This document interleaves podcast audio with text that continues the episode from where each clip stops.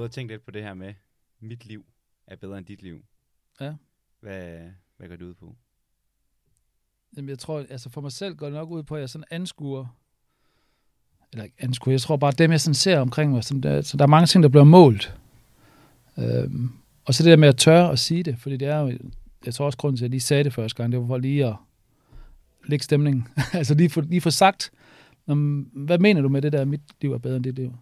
Og jeg, altså for mig, der, der oplever jeg bare tit, hvis jeg sidder i min bil, og der kommer store biler forbi og skal fylde, at, øh, at man har brug for at vise, at man har det federe end andre. Og nu var det også det ja, med Instagram, vi talte om, at det var jo det var også et sted, hvor man virkelig har brug for at, at blive anskuet og vise, at man, man har det bedre end andre. Så det har, jeg, jeg tror, grund til, at jeg ligesom bragte det på banen, var for, ligesom, at jeg ligesom oplever det. Også tit, øh, nu sendte jeg jo et billede til dig med den der bil, der, der, der var mast op, og det var en Mm. kæmpe bøfbil, en kæmpe, Ja, ja, sikkert en kæmpe gartner, der havde den der bil. Øh, og så holdt der sådan en lille prutbil ved siden af, ikke? Øh, så det der med at, at vise muskler, det er jo meget øh, populært for at vise, hvor man er hen sådan statusmæssigt. Og det, det irriterer mig bare helvede til. Altså, se på det. Men det var, altså, jeg, jeg tror også tit, det er noget mindre værd, der ligger i det. Det ved jeg også godt. Det er også derfor, øh, jeg bliver bare provokeret, og så skubber jeg lidt til dem, der, der mener, de er federe end andre. Øh, men det tror jeg, har, det har været som mit liv. Har været Mm. sådan, at jeg har haft det behov. Måske. Måske. Ja, nej, men jeg ved ikke, altså jeg, jeg kom jo til Aarhus der fra en, øh, en lille landsby uden for Skanderborg og ind til blokken der, og der kunne jeg godt ligesom se, hvad, hvad det gik ud på. Og være, altså, komme til, en, kom til en stor by, og hvad kan man sige, være, hvordan skulle man lige få sin plads, hvis man var sådan en simpel bonde, der, der gik rundt og hyggede sig, så lige på, så skulle man ind i et andet, et andet miljø og ligesom tage sin plads der, ikke?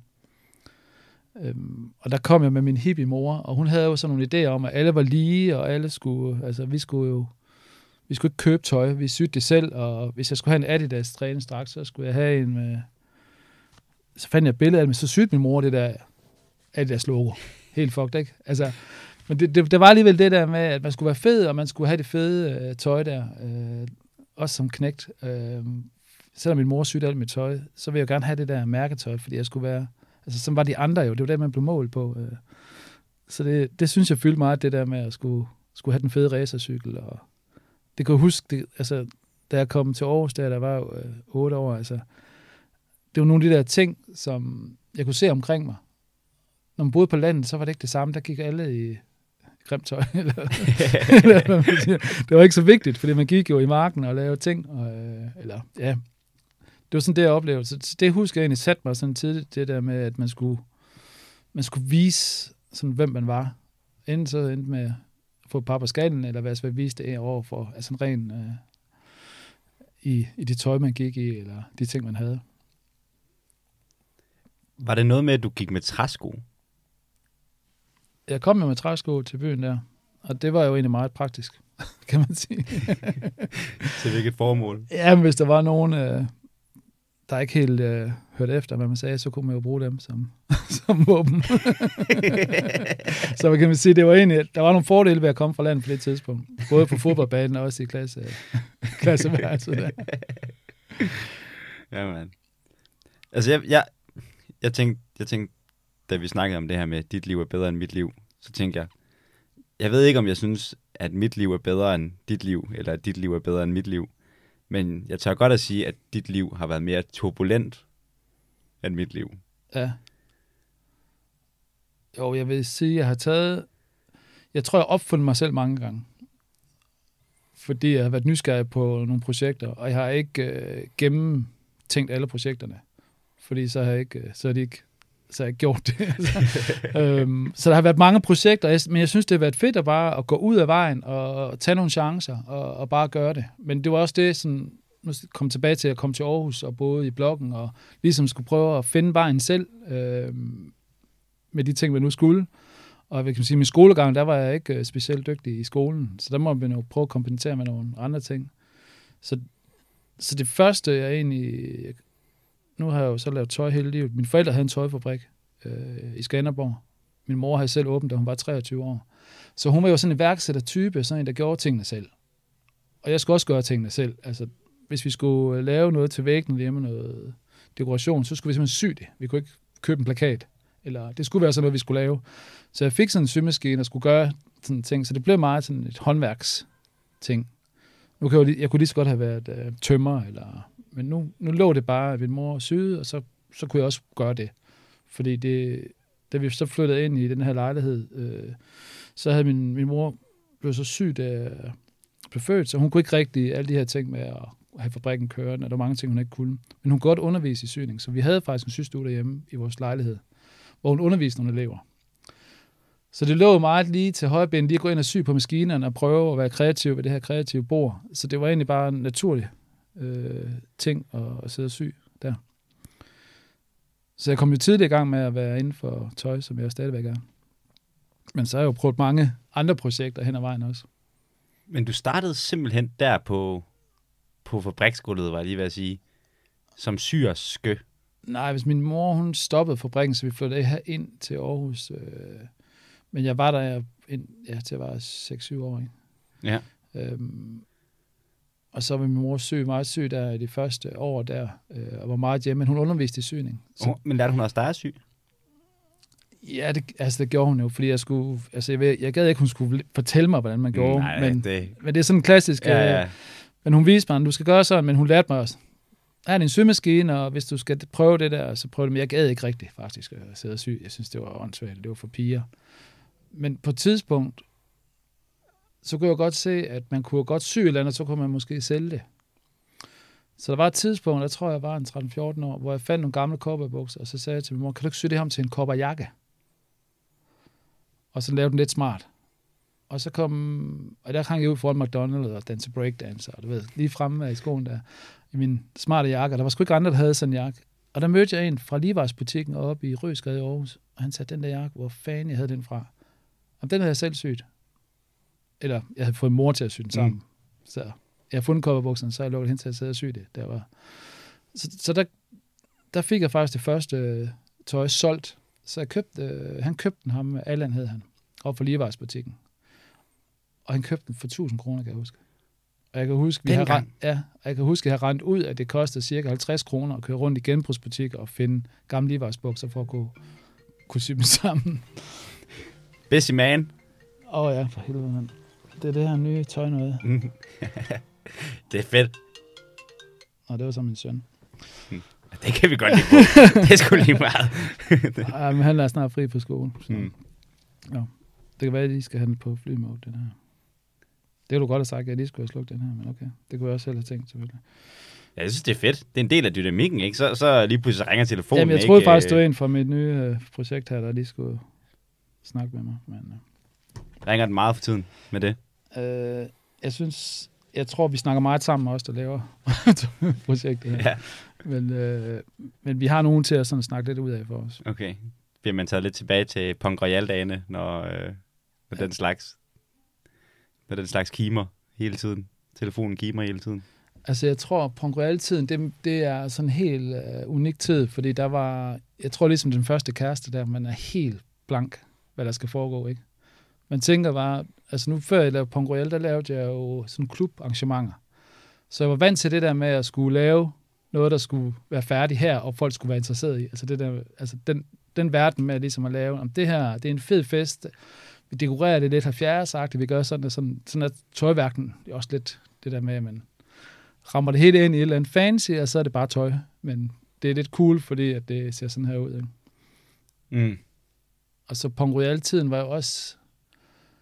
Nu er det jo 20 år siden, ikke? Altså tiden var bare... Det siger man altid. Tiden var bare federe, men jeg tror også, hvis man er ung på det tidspunkt og har en vanvittig energi, og man ikke har... Øh, og man vil gerne ændre verden, så kan man også bedre gøre det. Altså, fordi nu når jeg sidder i dag, så vil jeg jo aldrig gøre det på samme måde, som, som jeg gjorde dengang. og det er jo det, der er lidt af problemet, det er, at man, man, man jeg, ikke- man, vil- jeg vil faktisk ikke sige, at jeg blev malig. Jeg har masser af energi og bare virkelig hug på den, ikke? men det er også, jeg synes, der er nogle ting, man, man springer over nu, fordi man ved, at det her, det kommer ikke til at give mening. Og nogle gange det er de ting, der giver mening. Altså, sådan, sådan er det bare. Mm. Man laver, ej, vi laver sgu lige det her til den her person, der skal være med på Grammy'en, ikke? Altså, så siger vi, vi bruger en uge på et stykke tøj. Altså, det, det giver jo ikke mening. Men det gav så mening dengang fra Royal, fordi så var der jo lige pludselig nogen, der så Grammy'en på tv, og Kylie Minogue havde så også lige pludselig det på, og du ved, man brugte masser af tid på alt det der rundt om hygge.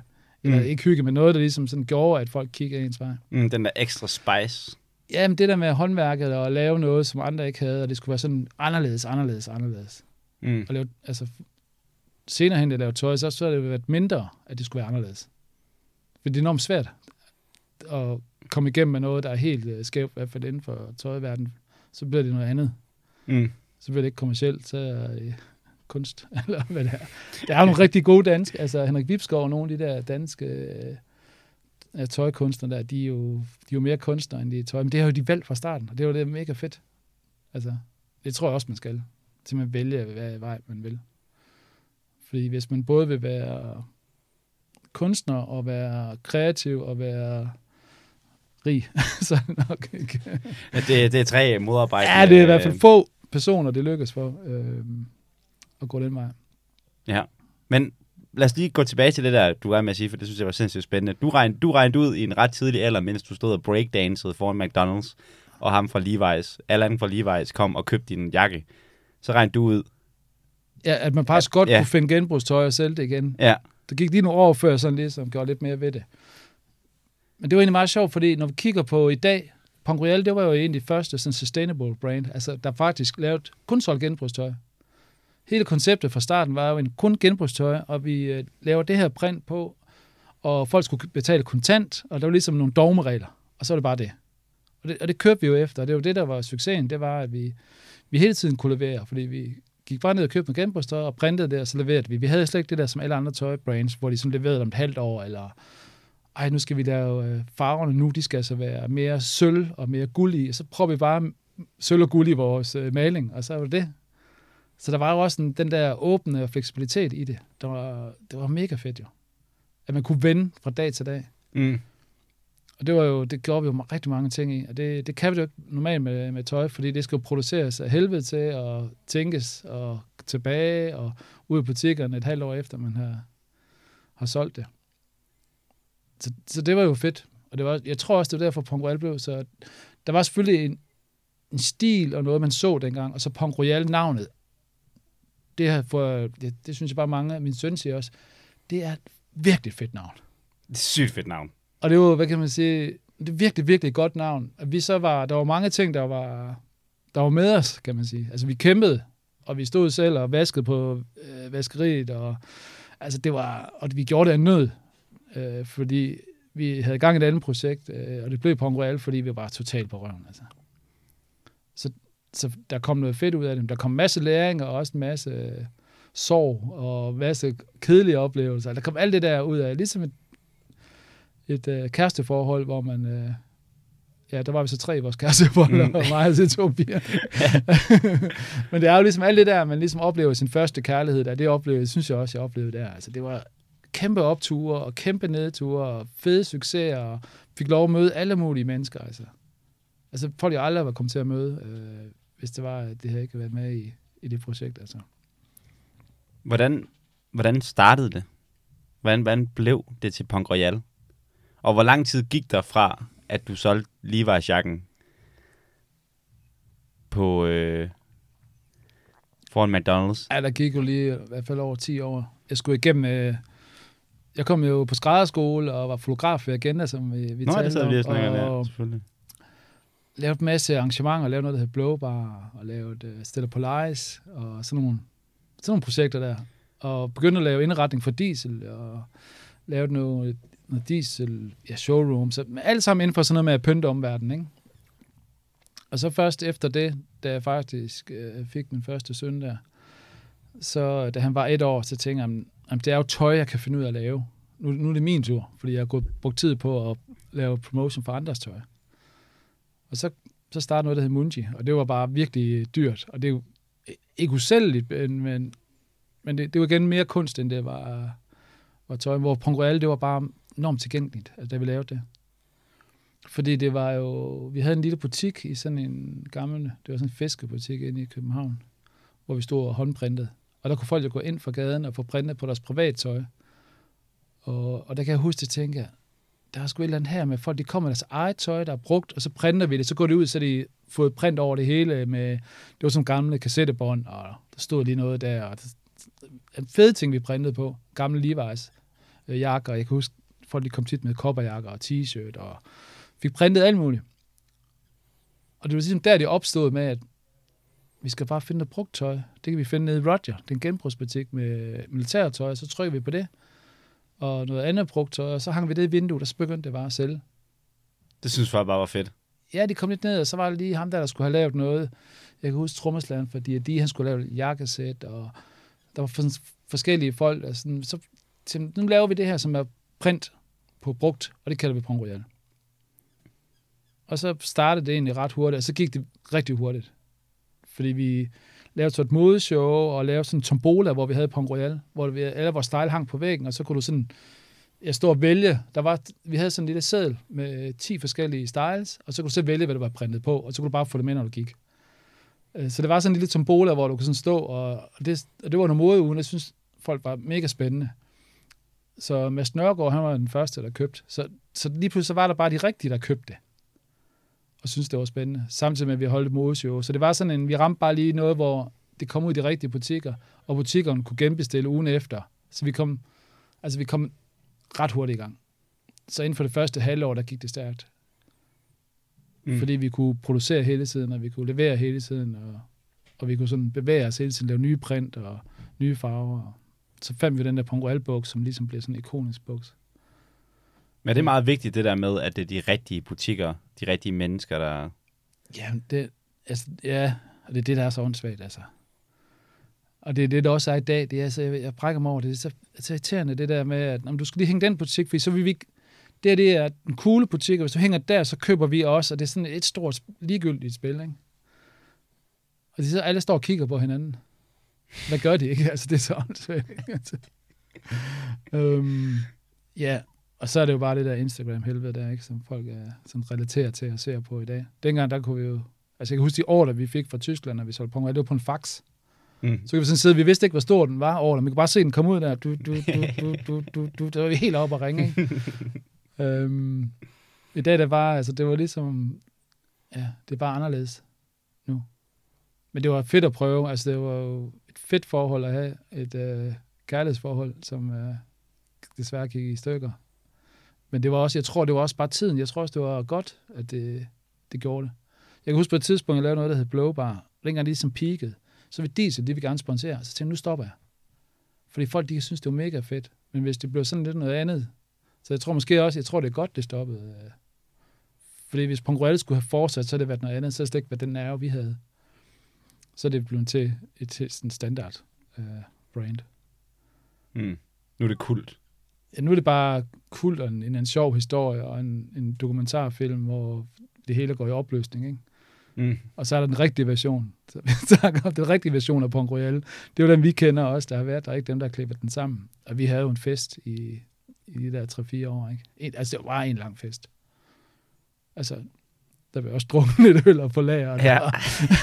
røget nogle cigaretter og lidt af hvert, ikke? Så det var jo, så man havde jo lidt, altså, det var sådan en københavner på miljø der, som bare gav den gas, men man skulle også, altså kom jyden ind med fire tog, der skulle prøve at se, om man kunne, med hans ydmyge, generede sind på det der til at køre, ikke? Hvad? Så det var også voldsomt at, ja. at være i det, ikke? Da du kom til København, var det så med drøm om at starte noget tøj? Jamen, jeg har altid drømt om at have et, et jeansmærke. Det synes jeg mega sejt med kopperbukser og sådan, du ved, hele det der livsstil der med jeans. Jeg drømte bare altid om, at jeg skulle lave mig eget jeansmærke. Og det lavede jeg jo så det der kunstjeans-projekt der, ikke? Og samtidig øh, og jeg har en fed artikel, jeg har glemt, øh, gemt derhjemme, hvor jeg har... Øh, der er sådan noget om Munji Jeans, som jeg har lavet sammen med Mette der, som også er med på Royal. Og så er der øh, Akne og så Nudie.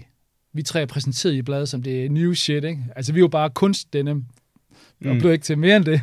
Mm. Og det var, det var min drøm. Jeg drømte om, at jeg skulle have sådan en skrædder denne butik i Nansens Gade i København og sidde og sy bukser og være sådan uh, den der coole skrædder, ikke? sådan lidt øh, kaffebar skrædderen der, ikke? Mm. Det var sådan det, jeg drømte om. Men så blev du så punk skrædderen i stedet for? Ja, så blev det, ja, men det var fedt. Det var, det var da være federe, tror jeg egentlig. Fordi det var bare noget helt andet, som var sig selv, og ikke bare noget andet. det var ikke ja, Levi's eller Acne. Jeg blev så aldrig sådan rigtig rig af det, vel, men jeg kan så, de oplevelser, der har været, dem tror jeg ikke, jeg vil bytte, fordi det har været mega sjovt, altså. Også mega hårdt, også fordi man var så uerfaren med forretning og køb og salg, og altså man var helt, helt blind på det der. Så der var mange ting, man virkelig var frustreret over. Og eksport til Tyskland, og kunder, der skulle betale, og altså alt muligt. Ja. Så vi, vi, der, at der var ikke nogen af os, der sådan havde mega meget forstand på det. det var os, der lavede det.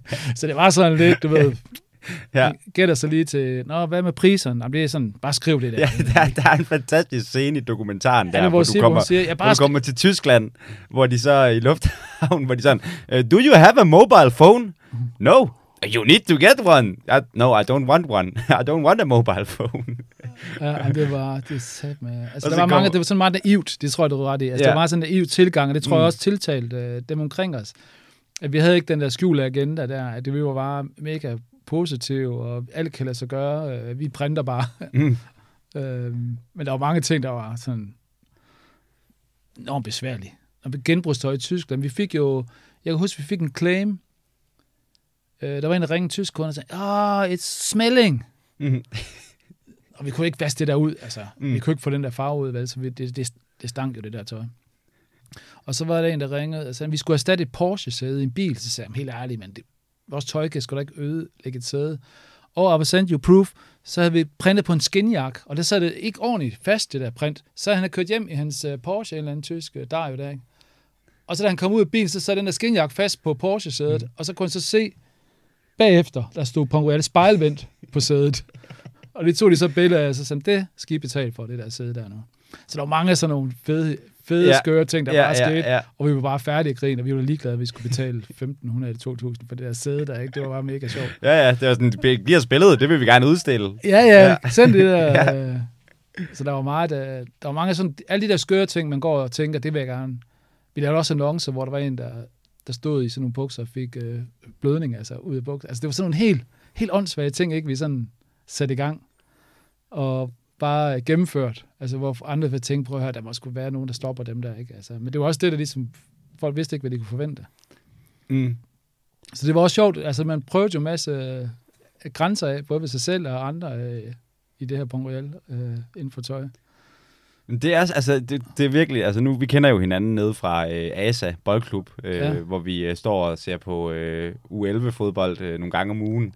Ja, lige præcis. Og altså sådan, du ved, det er bare så sjovt det der med sådan, når man ser dig, du er så stille og rolig en person at være sammen med. Men du er også lidt syg i hovedet, altså. Ja, der er faktisk nogle ting, som hvor jeg får at vide, at det var et tidspunkt, hvor jeg skulle lave en kunstudstilling. Og der, der fik jeg nemlig at vide, at det er helt sygt, det der. Og der skulle jeg, den kaldte jeg, hvad var det? Excrementa eller toilette. Hvor jeg så havde skidt i sådan nogle øh, bakker. Sådan nogle løbesteg bakker, havde skidt i en måned. Og stillet ned i kælderen. Og så rørte dem op i gips, og så støbte parfumeflasker ud af dem og solgt øh, til sådan en udstilling. For jeg gik på sådan en kunstskole her i Aarhus. Altså det er jo også sådan, hvad fanden foregår der i hjernen på dig, at du skal sidde og skide de der bakker der, ikke? Altså. og hende jeg boede med, hun opdagede det så på et tidspunkt. Vi havde lejet et værelse ved en pige, der hed Christina der, og jeg tror, hun tænkte, det er helt stået af det der, ikke? Men altså, det var jo, det var jo skide flot faktisk, det der endte med at blive, ikke? Altså, og, og hvorfor, skulle det, hvorfor skulle det der lort egentlig i det? Men det var fordi, at det hed det. Og det, man kunne ikke se, det var der, eller man kunne heller ikke lugte det, men det, jeg havde bare skidt i de der øh, gips, og så været nede på huset i Aarhus der, og støbt mm. dem øh, ud for sådan en øh, Chanel-flaske, der jeg havde lavet en afstøbning af, og så labels på. Øhm, og så havde faktisk øh, en, der hedder Jesper, en god ven, og øh, en, hedder Henrik Munk, der hedder Sort Muld, de lavede musik. Så det var sådan noget dystert. Også, øh, jeg tror også, han sidder hernede et andet sted. Her. Mm. Så man lavede musik til det, så der var også bare sådan et tema, men det var, altså det, det, det, det skulle bare sådan over kanten og sådan være, og havde også en videooptagelse til den der udstilling der, hvor jeg, hvor jeg står og pisser i en kondom, men så stikker jeg en vandslange den anden vej, og så springer den lige pludselig, og så laver det sådan en loop. Altså det er også sådan lidt mærkeligt, men... Bare sådan lidt smule. jo. Men det var, jeg ved det ikke rigtigt, men det, var- jeg tror, det er sådan billedet og sådan stemningen og det der med sådan at skabe det der rum. Altså, jeg synes, der også, der arbejder for de, så laver de også mange sådan nogle ruminstallationer for dem. Af forskellige, forskellige ting. Men det der med at skabe det der rum, det synes jeg altid har været sjovt. Mm. Også med ind i, ind i Stella Polaris, der var jeg, da jeg startede, det havde jeg egentlig tænkt, at jeg var ude i en skov, bare hænge sådan nogle ører op på træerne. Og så skulle der komme lyd ud af ørerne. Og så kunne man så gå rundt. Altså, jeg ved ikke, hvorfor det skulle være så, men det var bare sådan en visuel oplevelse. Jeg havde sådan forestillet mig det der skov med de der store ører. At det her, det skulle Stella Polaris, øh, det skulle være sådan noget, man gik rundt derude. Så endte det så med at være lidt anderledes, men men stadigvæk sådan et eller andet med Stella Polaris, det var jo også en park om dagen med noget afslappning. Dengang var der ikke nogen, hvor fanden gider gå derhen i en park og lige høre det. Altså det var også noget andet end, for der lavede vi jo så mange af de arrangementer, der var sådan i ridehus og om natten, der med fuld hug på, ikke? Så jeg tror, der var mange af de der ting, hvor man sådan, jeg taget nogle chancer, og så tænkte, det er en fed idé, og så bare fuldt, fuldt ideen. Mm. Og så konsekvens øh, beregne, øh, ikke, altså ikke gøre det, ikke øh, beregne nogen konsekvens i det. For jeg var kun en selv, og nu prøver vi sgu bare det. Det er sikkert skide sjovt. Så, så der har været mange af dem, og det er også det, jeg tror, Pong Royal kan. Men så kommer der jo øh, kærester og familie og børn, og så ændrer ens øh, struktur så Mm. lidt, og hvad man kan og ikke kan. Hvad, må jeg lige spørge bare lige inden. øhm, altså sådan, ud fra alt det her, du beskriver, ikke? med at være øh, sådan impulsivt anlagt, og synes, at det er sjovt det her med at, at prøve grænser af, og gøre noget nu, overvej, eller tænke konsekvenserne igennem senere. Hvordan var det her møde med den officielle modverden? Så Så den etablerede, altså etablerede på, på, på det tidspunkt, da du- eller, ja, det er på det tidspunkt, og måske også, hvad du tænker om det sådan set i Ja, nu her, ja, fordi jeg kan huske, for jeg altid sådan kigget ind på modevær. Jeg synes, jeg synes, det var meget sådan glamour. Jeg synes, det var meget mega sejt. Altså det der med at... Altså, der var bare et eller andet. Jeg tror, det er bare sådan noget, man... Ja, som ung har bare sådan kigget ind. Øh, I gamle dage, det var sådan lidt i Paris og London. Det var sådan cool. Altså alt var cool, og når man snakkede med sine venner, så skulle man... Det var sådan lidt... Og jeg var egentlig lidt... I, i bund og grund var jeg egentlig lidt, lidt ligeglad. Vi var bare for landet, så jeg var... Jeg var, jeg var ikke sådan helt i det. Øhm, og derfor var det fedt at, at prøve det der af med Pong Royal, og egentlig ikke være så, altså simpelthen tage paraderne ned. For det gjorde vi. Altså, vi og vi, den her film var jo også, der er jo ikke lavet andre film om med danske modebrands, der er totalt på røven, og sidder tuder over og alt muligt. Det er der jo ikke. Altså, modeværende er det omvendte. Det er jo bare facade, facade, facade, og hvis det går øh, helvede til, så siger man det ikke. Så siger man, det går skide godt. Mm. Altså, det er bare men, løgn, løgn, løgn, mm. hele tiden, ikke?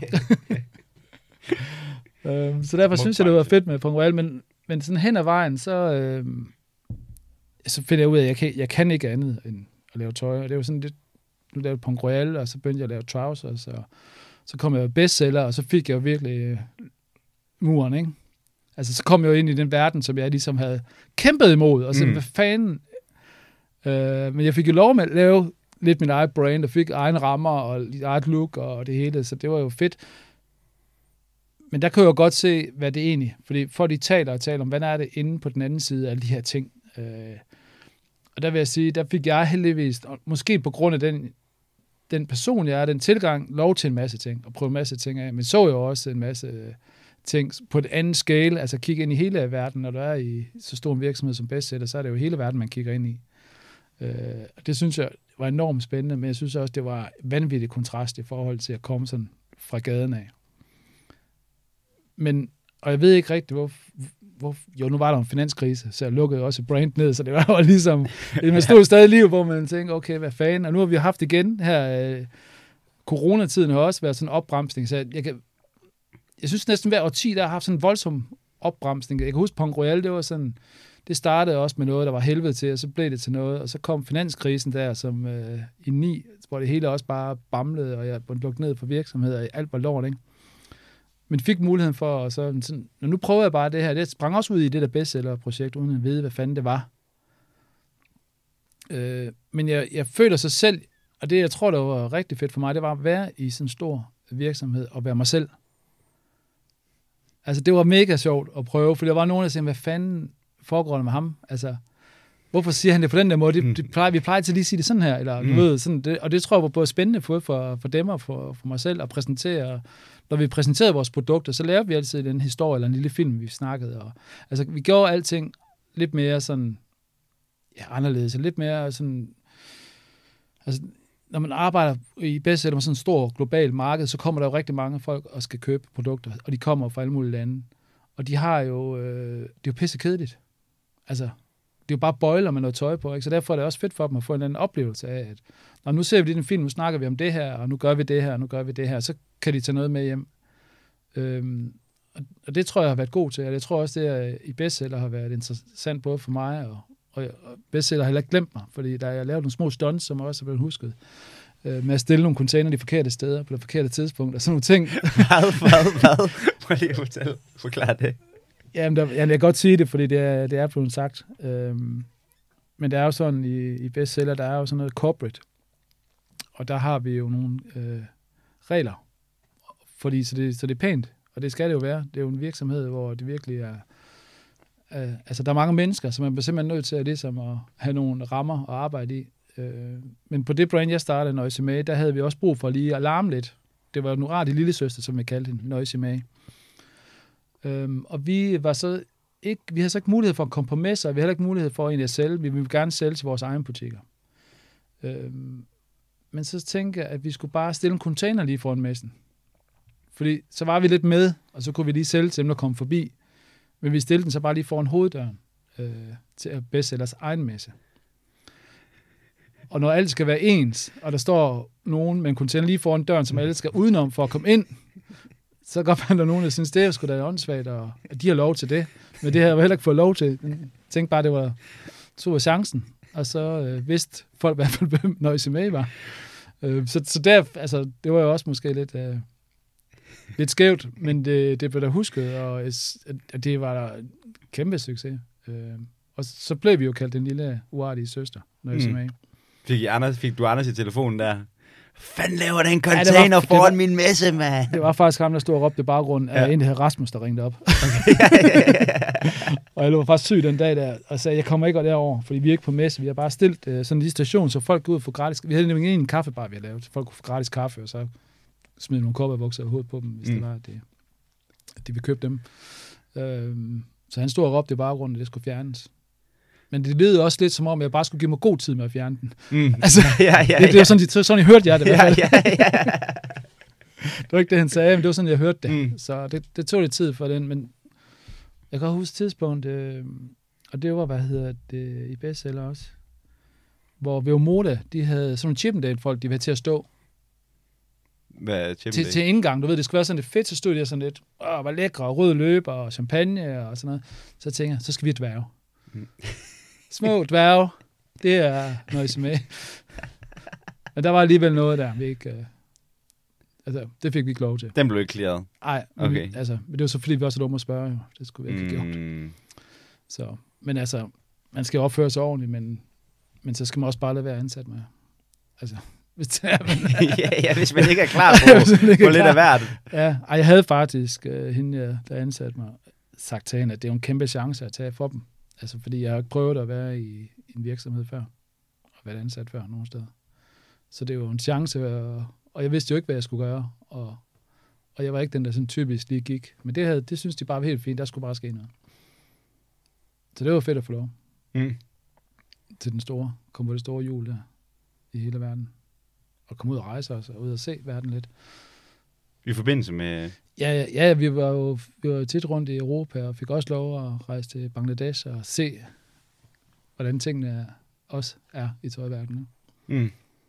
Hvad synes du? Hvad, altså, ja, altså, hvad, og det er det? Altså, at komme ind og kigge bag forhænget jamen, lidt? Jamen, altså, få lov det... at rejse rundt. Altså, altså, for det første få lov at produktion, altså, producere så store mængder. Det vil sige, at du kommer til at arbejde med nogle store virksomheder, som er gode til at producere tøj. Fordi når man kommer med en lille virksomhed, så er man lidt bag i køen, og man er sådan lige dem, der kommer sidst ud, for der er nogen, der er altid prioriteringer der, så det var fedt, og, og det var skide fedt for mig at komme ud på jeansfabrikker og, og snakke med dem, fordi jeg kan jo selv sy. Så jeg vidste jo godt, altså jeg kan jo bare tage symaskinen og så, så den her skulle Ja, jeg kan ikke vise det, fordi mm. de var rimelig gode til at sy den. Ja, ja, ja, jeg kunne godt vise, at jeg godt kunne bruge maskinen, mm. ikke? og jeg vidste også godt, hvad den gjorde, og hvad der gik galt, altså når de klippede tingene, og når de vaskede det. Så de lurede også sådan lidt, det var lidt mærkeligt, at ham, der ligesom havde ansvar for det, han faktisk også kunne regne ud, hvordan øh, tingene skal konstrueres og syes, og det var mega fedt. Og så får du en anden tillid til, til hinanden, og man snakker det samme sprog. Mm. Helt sikkert. Øhm, og det gør bare, at man får kæmpe benefits, øh, fordi man ved, hvad der skal til, for at tingene lykkes. Fordi tit, hvis du ikke har knowledge på, på et produkt, så kan du jo sidde og forklare, forklare, forklare, men du kan jo helt, det går helt tiden galt. Øh, fordi man lige snakker to forskellige veje, man ved ikke lige helt præcis, hvordan man skal formulere sig, man kender ikke de maskiner, der sidder og laver de her baglommer, eller hvad de nu gør. Hmm. Så det var jo meget fedt. Hvad, hvad, er det, hvad er det smukkeste ved syfaget? Jeg, altså det, ja, det fedeste, det er, at jeg kan sidde med min datter på syv år og sy en nederdel. Og hun synes, det er mega fedt. Altså det der med at bare kan lave et andet skrald, altså til, til noget, der kan bruges. Altså det var, det var lige, altså det er jo altså, simpelthen det der med en symaskine, der bare hugger noget sammen, og man kan jo bare gøre, hvad man vil med det, ikke? Det synes jeg er mega fedt. Altså det der også med de der gamle kopper, jeg kan bare sy dem sammen. Altså det, det, det er jo ligesom et, man kan jo ligesom at male, det er jo sådan en kludetæp, man kan lave, man kan jo selv proppe øh, ingredienserne i. Så det er jo sådan et, det er jo et helt hav af, af ting, man kan mase i det, og så skal det jo på et menneske bagefter, ikke? Så skal man jo til at tænke på det. Og det er jo også fedt, altså, fordi, altså, og det, var, og det er derfor jeans, jeg tror, det er derfor, jeg kom til at tænke på det der denim fra starten, fordi når jeg sagde, at jeg syede, jeg kunne huske, at jeg skulle sy sådan noget silke og sådan noget, det var helt umuligt, det skred bare, det var, åh, det var så skrøbeligt, ikke? Men denim, den måde, den er vævet på, der kan du bare hugge igennem, og du kan rive i det enormt stærkt, altså ligesom et, et militærtøj også lavet på den måde. Det var også det, der fedt med Pong Royale, vi brugte militærtøj, det var pisse stærkt. Selvom de, altså selvom de havde gået i det i flere år, de her ting, så var det stærkere end det, du kunne købe for nyt, og det, det kunne ikke slides ned. Altså, så selvom du købte det brugt, så var det bedre med, at du kunne købe i butikken ved siden af, eller det, der hang ved siden af. Ikke? Så det er jo, det er jo, det er jo kvaliteten i, i det, man laver. Øh, og så er der jo en masse, altså så kommer det næste, nu kommer alt det, der ikke er kvalitet, ikke? det der overforbrug, ligesom vi æder, måske, jeg ved ikke, 30-40 procent for meget. Det gør jeg, jeg lige for tiden. men, altså, men altså, forbruget af tøj er jo også stedet helt vanvittigt, og det, det flyver jo bare afsted, og det bliver jo næsten værre, værre, værre. Mm. Så det er jo sådan en the dark side. Og så transporterer vi også tøj alt for langt rundt. Altså online og alt, hvad der kommer fra ja, Kambodja, Kina, Pakistan til Europa, og på alle de her online, altså på de mål, de der kilometer, sådan et, en t-shirt har fløjet rundt, og den kommer afsted fra starten, der er den, den er faktisk ikke noget værd, fordi den laver så dårlig kvalitet. Ikke? Mm. Men der er ingen, der, altså, der er ingen, der anskuer de der ting. Altså rigtigt, det er ikke nogen, der sådan... Jo, jeg synes, de unge, er faktisk den nye generation, der kommer, som, som, hvor, fordi det her klima har været så meget, de begynder at kigge rigtig meget på det. Og der kommer, jeg oplever faktisk meget i Tyskland, når jeg snakker med folk i Tyskland, der er faktisk en hel, også inden for mad og forbrug, det er meget større, og de, er meget mere, de vælger meget mere side. Hvor danskerne, danskerne det er altid sådan nogle, de følger sådan lidt efter hinanden, og de vil ikke sådan stikke ud. Så vores forbrug, både med, også med alkohol, og med alkohol og tøj, mm. altså de unge mennesker. Ikke? Men jeg synes også, at der er, nu kigger på min dreng, der er 21, den generation, han er, der er altså virkelig nogen, der vælger at sige, vi går ikke det der. Vi køber for fede sneaks, der er dyre, så køber bare genbrugstøj. Dem er der rigtig mange af, det er pisse fedt at se. Øhm, så det ikke bliver det her, ja, en t-shirt for en tiger, altså. Mm. For det er noget, altså det er noget, det er bare svineren. Og det kan, det er, ja. Og nu har jeg, jeg har været i alle verdenerne selv, så jeg har jo set alle, fra alle vinkler, ikke? Og jeg kan jo om nogen mål og se, hvad der foregår. Og der er jo mange, der arbejder det der, men det er jo, for, for mange er det, det er jo et arbejde. Altså, de går bare på arbejde, og så skal de gøre det og det. Det er jo ikke dem, der gør forskellen. Det er dem, der sidder i helikopteren og sådan maser ned af og siger, vi skal have det til den her pris, og det skal være organik. Det sker jo ikke. Mm. altså. det kommer til at stå organik, ja, ja, ja. Men, men det sker ikke, nej. nej. Så. Er, det, er, det, er det den harme, der har født øh, Act Today? Jeg tror, det her corona, jeg, altså jeg, jeg virkelig, altså jeg synes, corona, det har været en mega nedtur. Altså, jeg, altså det var sådan en tid, hvor man bare har været sådan helt stenet ind, og hvad fanden skulle der ske? Altså helt lukket af, og jeg er vant til at bare give den, altså lave noget hele tiden, ikke? Og gøre noget, og sådan ligesom man bliver sådan helt lammet. Og det tror jeg, at det, fordi jeg havde tænkt, at ej, det her med at lave tøj, kan jeg kan ikke bare finde på noget andet, fordi det er bare noget svineri, og man kan ikke ændre verden med det, og man kan ikke, altså hvad fanden skal man gøre, ikke?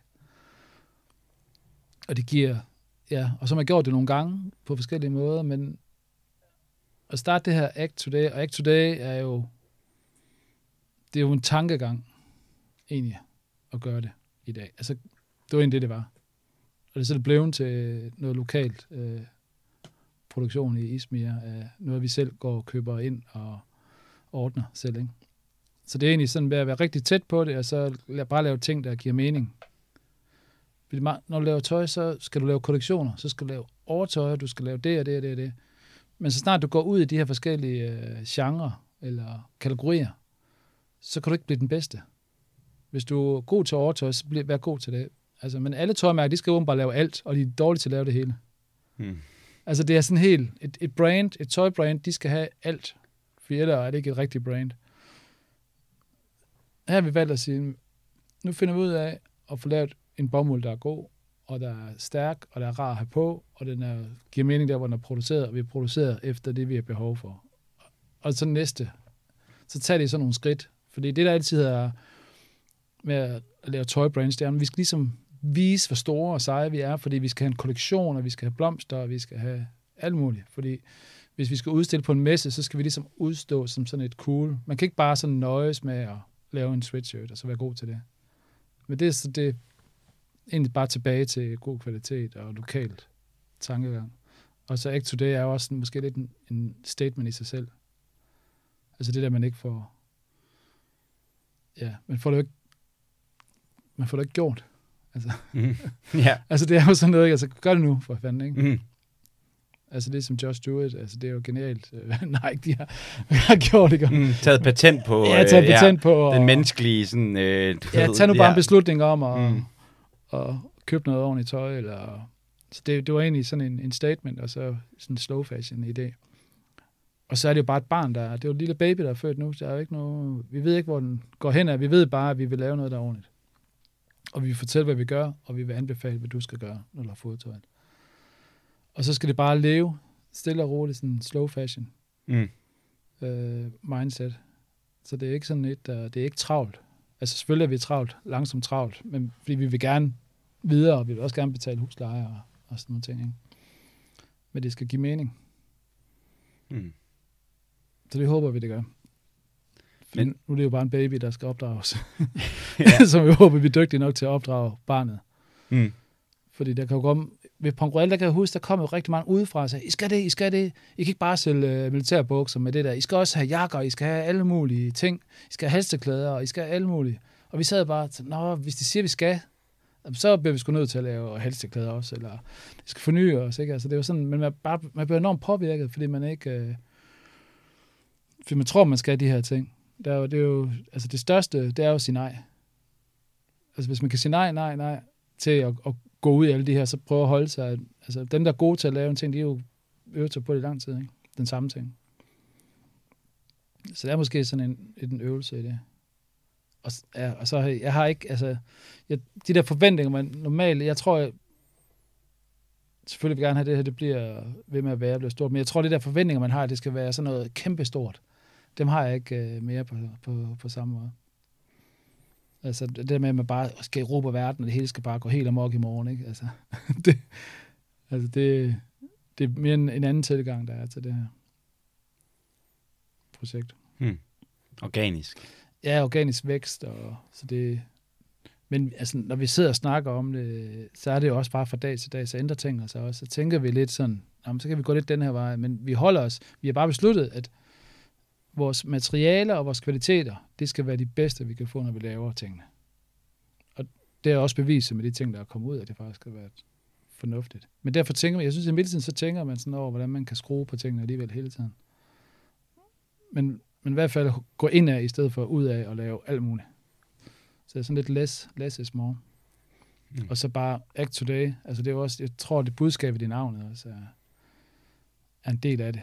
Det behøver sikkert at være neonfarvet og blomster og mærkelige fittings. Og det er mere sådan en statement. Mm. Det er faktisk tøj, der har en, en betydning. Ja, og så er det også altså- sådan lidt underspillet på den måde. Og jeg synes også, det er sådan... Altså, jeg tror også det der med at sådan pege fingre af andre, sådan, som, så bevis det selv. Bevis selv, at det kan lade, sig gøre at lave noget ordentlig kvalitet, og det kan leve, ikke? I stedet for at sidde og pege, og fordi det... Altså, der er mange, jeg godt kunne pege af, hvor jeg, hvor jeg, hvor jeg ser et svanemærke på, og jeg kan se, hvordan det er lavet. Altså, jeg kender jo fabrikken.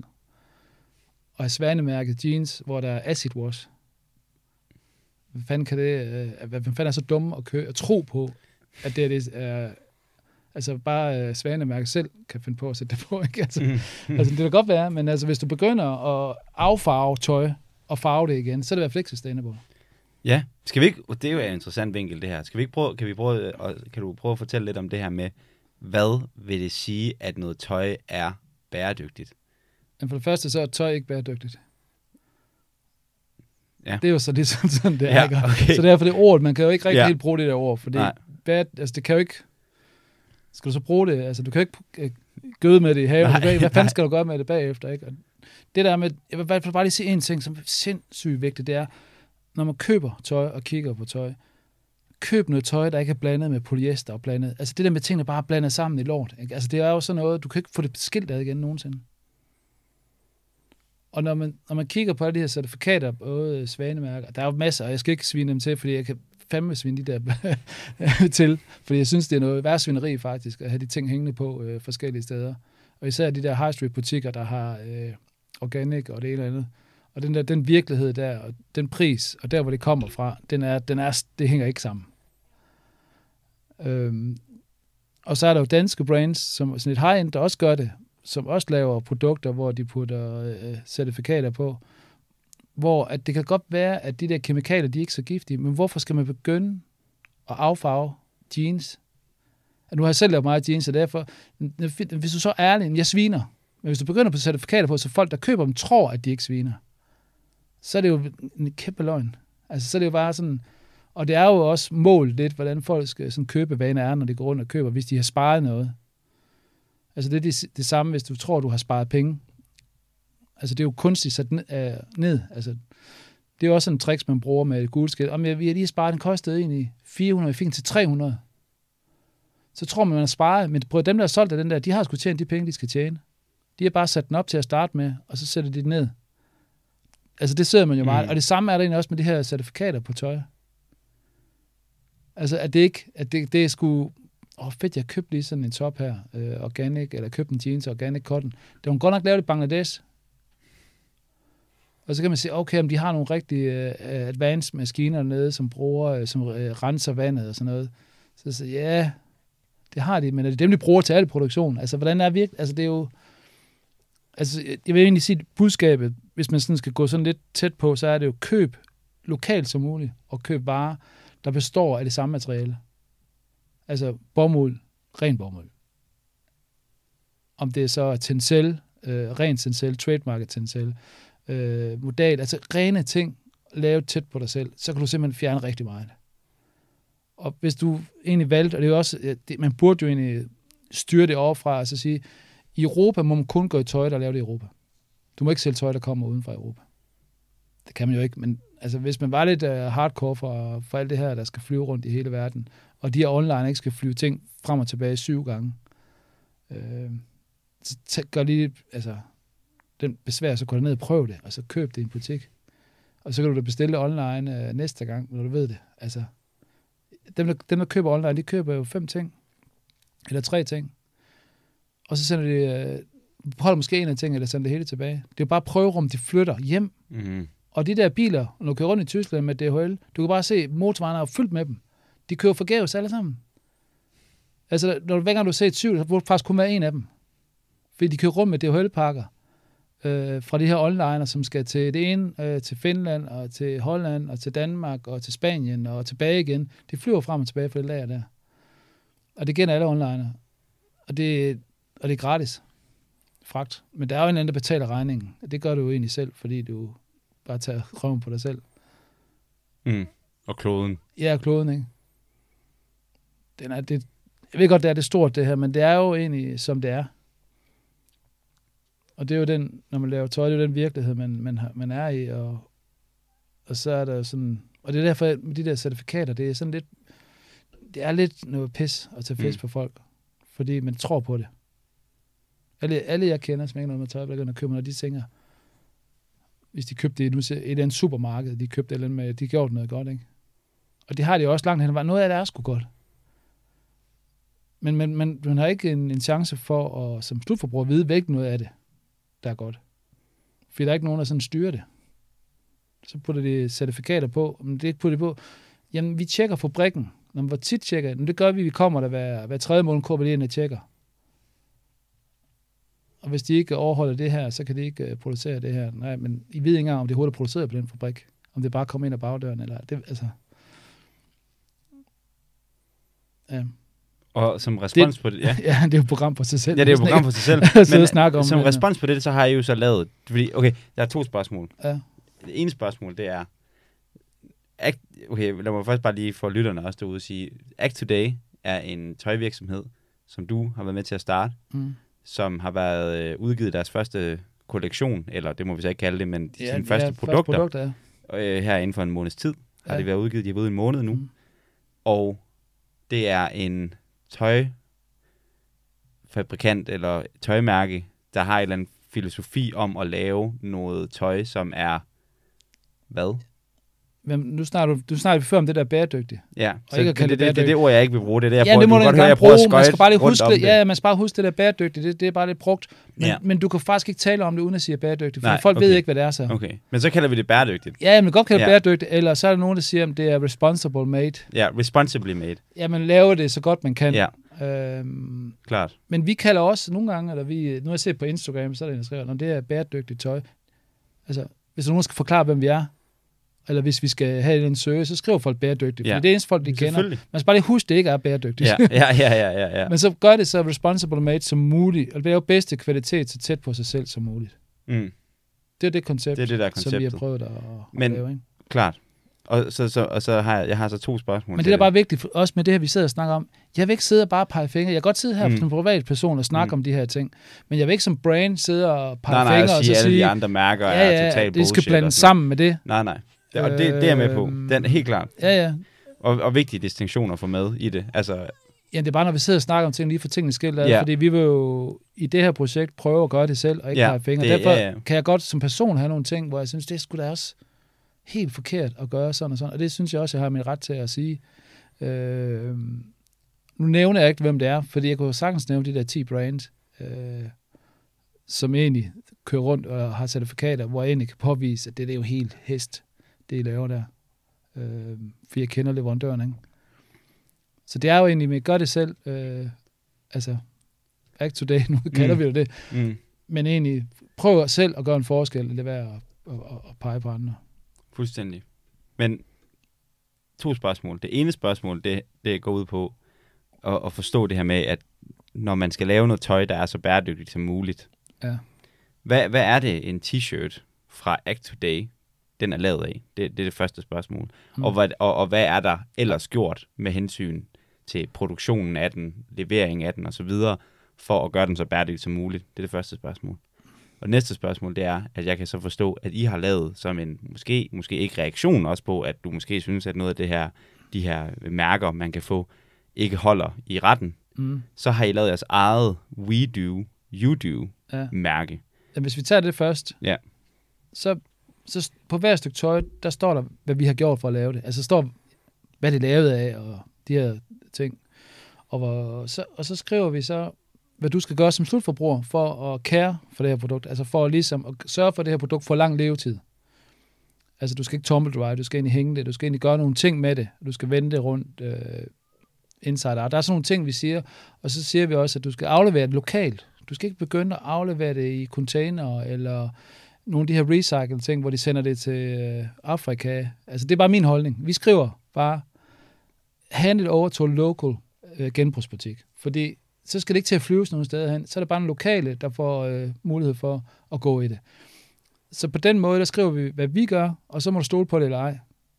Vi skriver bare, hvad vi gør. Vi, er ikke nogen, øh, vi køber organic cotton med certifikater direkte fra, og vi køber den dyreste, den bedste, og vi får den behandlet på en måde, som, så vi ikke ødelægger bomulden, og vi farver den også på en måde. Mm, og, hvad, og hvad er det? Hvad, hvad, er, hvad er det? Fordi du, jeg ved jo, du er håndværker, så du, Ja, men jeg når man- tænker, du har forståelse for de her. Jeg synes bare, Ja. det er sindssygt spændende. Det Jamen det er, og det er mega nørdet, og det er også svært at forklare, fordi hvis du køber bomuld, nu køber vi bomuld der, hvor den bliver syet omkring Izmir, der bliver den samlet, den her bomuld, Hvor er Ismir hen? Tyrkiet. Okay. Øhm, så, og vi kunne egentlig sige, hvor fanden søger jeg det ikke bare øh, derhjemme, eller i Herning, eller et eller andet sted.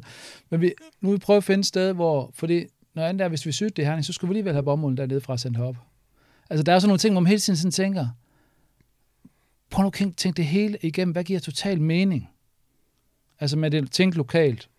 Har vi bomuldsmarker i Danmark, eller Sverige, eller Tyskland? Nej, der er ikke, sgu ikke så mange. Vi kan godt dyrke vin lidt og sådan noget. Mm. andre ting. ja. Men, Bomuld, den kommer om nogle år. Ja, lige den globale opvarmning. Ja, vi, når det bliver varmt nok, så, ja. så, så, kommer vi dertil. ja. Så det er jo meget, uh, det er meget tankegang, ja. ja. Men egentlig bare, tænk lokalt. Vi finder bomulden uh, lokalt, finder det bedste, så, så behandler vi den også. Uh, vi brænder overfladen, som bliver mere stærk, og bomulden ligger sig lidt ned. Det betyder på lang sigt, for der er nogen, de, gør, de vil gerne gå bomuld blødt, men det gør de senere i processen. Men der er jo nogle processer, fordi tøj skal være blødt og lækkert. Og, man, og så børster vi det også med en, ja, det er sådan helt visuelt sådan en børste, ligesom en vaske, eller sådan en, ja, en carwash, ja, ja, ja. lige overfladen, og så der er sådan nogle ting, som hvis det er lækkert, og det virker, og så farver vi det lidt i starten. Og så syr vi det, og så slightly, så farver vi det i koldt vand igen. Fordi det bruger mindre vand. Fordi vi vil gerne farve det til sidst, vi vil gerne gøre det sådan, når du får den på, så virker den, som om den har været brugt men vi farver det to gange, fordi at det er billigere bare farve, og det er også mere ja, sustainable, eller nu skal vi ikke bruge det men mere øh, korrekt at farve midtervaren i noget farve, og så prøver vi så vidt muligt at have lyse farver, altså sandfarver, øh, vi har ja, sådan nogle jordfarver, sort, det er vi ikke så vilde med, men hvis vi laver sort, så gør vi det i et materiale, der kan holde på sort, noget modal. Altså prøv at tænke på hver produkt. Så det er egentlig, når vi så kigger, og så, når folk ser os, så tænker de egentlig, det er sgu da bare... En men du ved, ja, ja, eller, men du ved, vi, vi tænker at lave ting, der giver mening, og hvor vi ved, at det virkelig uh, sviner, der, der, der, der skruer vi ned. Uh, fordi du kan jo godt have organic uh, cotton, uh, men du kan jo farve det med nogle kemikalier, uh, som sviner, og du bare kan sidde og sprøjte ud på en mark, og så er der stadigvæk organic cotton uh, skilt på, ikke? Og det, det, det er jo der, man bliver forvirret. Så det er egentlig at, at lave det sådan helt ned til, hvad der giver mening. Og vi køber selv bomulden. Vi har ikke nogen fabrik, der køber det ind til dem. Vi køber det selv og leverer det til fabrikken. Så vi er lige ude i alle ledene selv og køber. Fordi der er ikke noget med, at de skal sådan lige blande det op med noget andet, eller lige gøre et eller andet, og vi ikke kan se, hvad det koster. For der er det der usynlige bagved, som, som mange ikke kan se, fordi at tingene bliver købt bag ved fabrikkerne. Om det er organic, jamen vi lige mixer det op med noget. Her er certifikatet. Vi får det lidt billigere. Altså, sådan nogle ting. Og det, det er jo ikke noget, man kan, altså, ja, man kan godt øh, teste, altså, man kan godt bevise men det er bare sådan, det er det, jeg hører, og det er også, øh, dem jeg kender, nu kender jeg, har været i Tyrkiet i 20 år, øh, arbejdet med nogen dernede, og de, de er også sådan, siger, det er jo, det er jo pis, det hele. Vi er jo selv en del af det. Jeg ved sgu da godt, hvordan det der det er blandet op der, ikke? Så sidder de og fortæller. Så derfor, det er jo helt hullet. Så derfor prøver vi at gå ud i alle leden, og så prøver vi at producere efterhånden, så vi bruger det. Det der med malkorn efter behov, ikke? Altså, vores, øh, vores øh, mælk skal være frisk. Vi skal ikke have gammelt tøj. Gammelt tøj, det, altså, alt tøj er jo ligesom madvarer. Den her farve, den bliver gammel på en uge eller to ind i en modebutik, ikke? Men hvis vi laver en farve, der er lidt vild, det kan være sådan olivengrøn, så vi går helt amok, ikke? Så, så, øh, uh! Så, så har vi bomulden, så farver vi måske dem, og så kører vi et lille øh, parti af dem, så sælger vi dem, og hvis vi øh, sælger mere, så farver vi mere.